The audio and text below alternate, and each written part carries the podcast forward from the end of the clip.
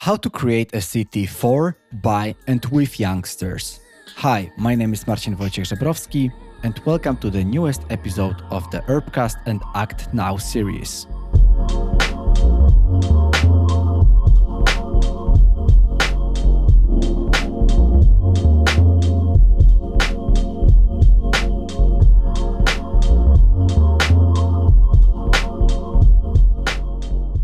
The Urbcast and Act Now series is a series of conversations I recorded during the Act Now Mayors Conference 2022. I had this big pleasure and honor to be invited by the organizers of the conference as a media partner and to record a couple of conversations with the participants of the conference.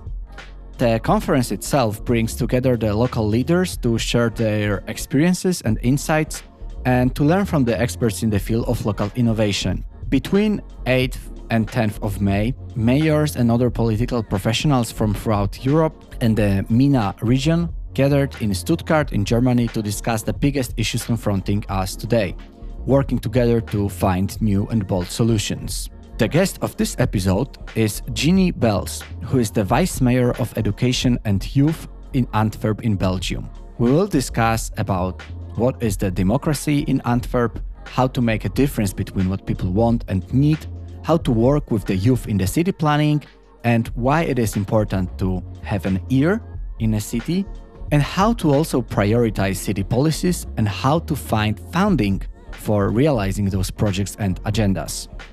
Welcome to the first episode of Urbcast and Act Now series with Jinnih Beels.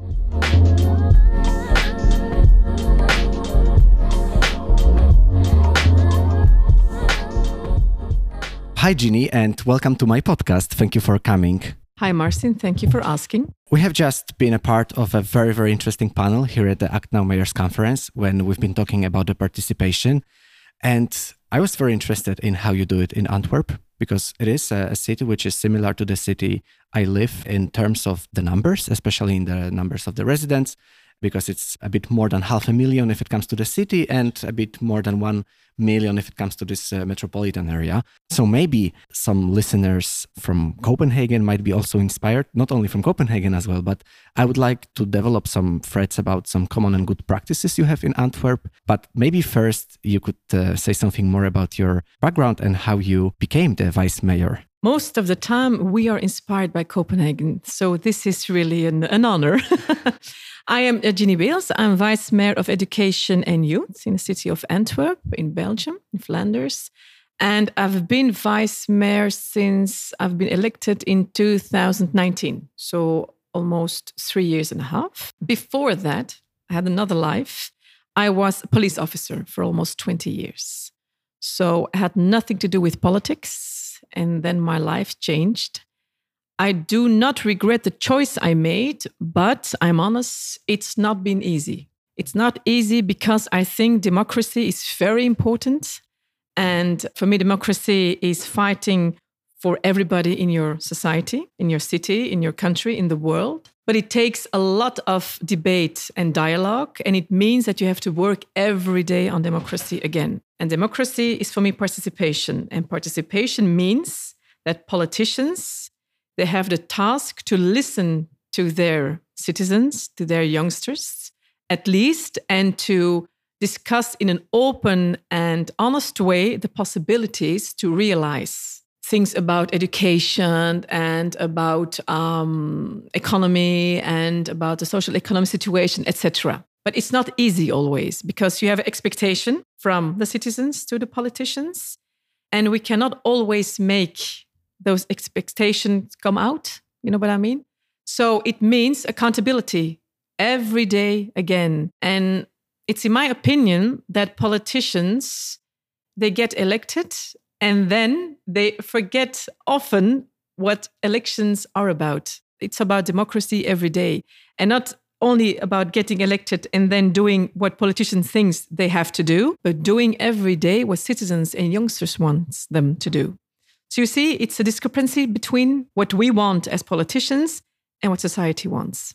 That's why I told in the panel that for me, it's a fight of every day. And I have to convince not only my own colleagues, but a lots of institutions in our society to make participation look like something positive. It's hard work, but it's positive because it means we can make the difference together. And I believe in things you can realize together. How to deal with that frustration? Because, as you said, sometimes there are different wishes and expectations that people have, different citizens, also the old ones, the youth, the kids. They all have different needs, and uh, some of them communicate them, some of them maybe do not communicate them because of lack of the tools or maybe lack of some knowledge. But in general, there might be this frustration that something I need is not being fulfilled in my city. What would be your idea about that? I think you should make the difference between what people want and what people need. And politics is about both. But again, if you want to change your city, you want to change your country, you want to change the world, it's very important, I think, that politicians and citizens they do it together. And there has to be an understanding both sides you know?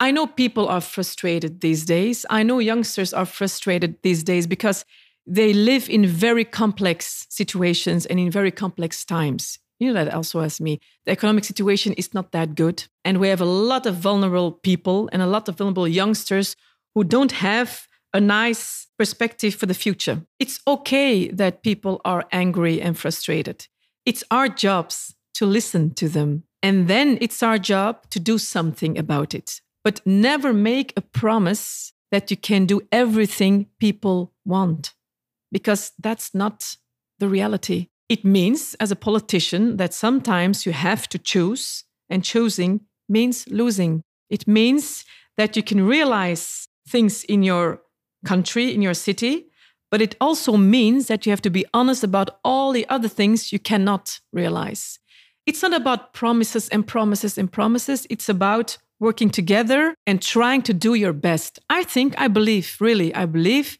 if you're honest with the people, they can take it. They are clever enough to realize that not everything they want is something you can realize. But if you lie to them and you are making feel them like everything they want is possible, then you're starting on the wrong grounds. You know what I mean? and then to adapt again, they will not believe you. So, participation, the three years and a half that I've been an active politic vice mayor, is really hard. And it's with ups and downs. And you have to adjust because a system, a digital tool you are developing now, maybe in a few months, in a few weeks, in a few years, it will not be enough. You have to change it. So, it's policy, it's always about changing and adapting. You cannot find policy for the next 10, 20, 100 years. That doesn't work because your society is evolving and people are evolving and the situation is evolving. So I think it's very important to ask people what do you want? What do you need? And how can we create digital tools to make it possible? Very important. It's not technology who will change the world, it's the human race who will change the world. And I think human contact and networking and talking and communicating in the first place is the most important foundation of democracy. I would love to add to that that this podcast might be also a part of the democracy as we are meeting here. And I would love to spread the message of yours, to spread the, um, the knowledge you have and also the approach you have in Antwerp. And that's why here I would like to ask you about the specific approach, that innovative approach you have in Antwerp, because I mentioned already that I hope to inspire the listeners with this conversation. And I hope that also amongst the listeners, there are some city officials from different cities. I don't know which ones exactly. So, what would be this good practice, the one good example that you are very proud of, or actually, of course, it might be still work in progress, but something that you think that will work out very well and that you are developing as vice mayor and not only as vice mayor, but also with your whole team? Two projects. First, the top down process we have of participation. And that was created in 2012, long before I became a politician. And it's important because there the city of Antwerp has invested in collecting information and ideas and opinions of the citizens of the city of Antwerp.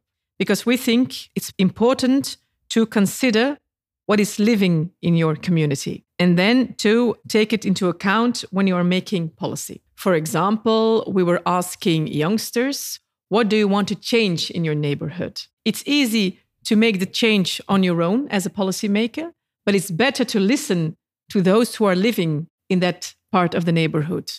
Do they need, for example, more sports facilities? Or do they need, for example, more playing fields? That's a top down participation process. And it's called OOR in Dutch. And OOR means literally ear. So for me, it's important to listen to the people. And the second one, and that's a project I'm very proud of because I created it with my administration and with my, how do we call it, the cabinet where my uh, employees work, is take over the city, literally giving the city in the hands of young people and telling them because of the COVID 19 pandemic, you know, everybody had to stay home, we had the lockdowns, and we forgot how difficult it was for young people. We forgot young people during the first months we had to handle the crisis. And at a certain moment, they said, it's enough. And then we realized that's true because it's their future, you know. It was on hold. They couldn't live anymore. They're young and nothing is coming back. So then we realized we have to give them a bottom up participation tool where they have the feeling that they belong to their city and that they can make a difference and that they can make a difference on a political platform. So it's our youth service who was supporting the youngsters who wants to make a part of the project. They are choosing the theme, they are choosing how they will make the process. It's a dialogue. It's talking not only with youngsters themselves, but also with other stakeholders and with politicians. You know, our mantra in Antwerp is for, by, and with youngsters. So instead of talking over them and about them, we are telling them, you have to tell us how to do it and how you want us to do it. And then you have to realize at a certain point that some of the ideas we can realize, but some of them, because choosing is losing, is not realistic. We don't have a majority, we don't have the means, we don't have the budget, etc., etc. And I think young people can handle that. As long as we give them the feeling they are involved, they can handle everything. And that I'm very proud of because we created it in 2020. And for the first time, it was active in 2021, last year in February. And since then, they had the chance, the opportunity to come and talk about it two times at the commission of the city council, where you have the majority, where you have the opposition. They come and talk about their well being. They came and they talked about skating facilities in the city. So they're choosing the subject, they're choosing how. Politicians can ask them questions and they feel a part of the political process. And I think that is very historical in the city of Antwerp. It seems like a very, very engaging initiative that the youngsters, the youth, they can just show up in the city council and then just have the, the dialogue. I think that that's how the, the city council should work. They should have this open doors policy and on the last finishing note, I would like to ask you about this other side of you as a politician, like also as a vice mayor working in the city council, because I think that the city administration can be a complex system and you have a lot of interests. You have all different vice mayors for infrastructure, transportation, culture, and how can you secure that your ideas will go through? Because it's also about funding, right? Budget and money. So, could you just say something more about how to tackle those challenges within the city administration to fulfill your ambitious ideas and visions? In the city of Antwerp, we are making policy with nationalists and socialists. So it's not that easy because the vision we have about the society is very different. But for three years and a half, we are succeeding in making policy. So it's about working together. It's about putting all these ideas, political and ideological, aside and thinking about what is the most important thing for our citizens and our youngsters to realize. And we have to do that together. It's bargaining, it's choosing, and it's trying to make the best of it. And sometimes I lose, and sometimes I win.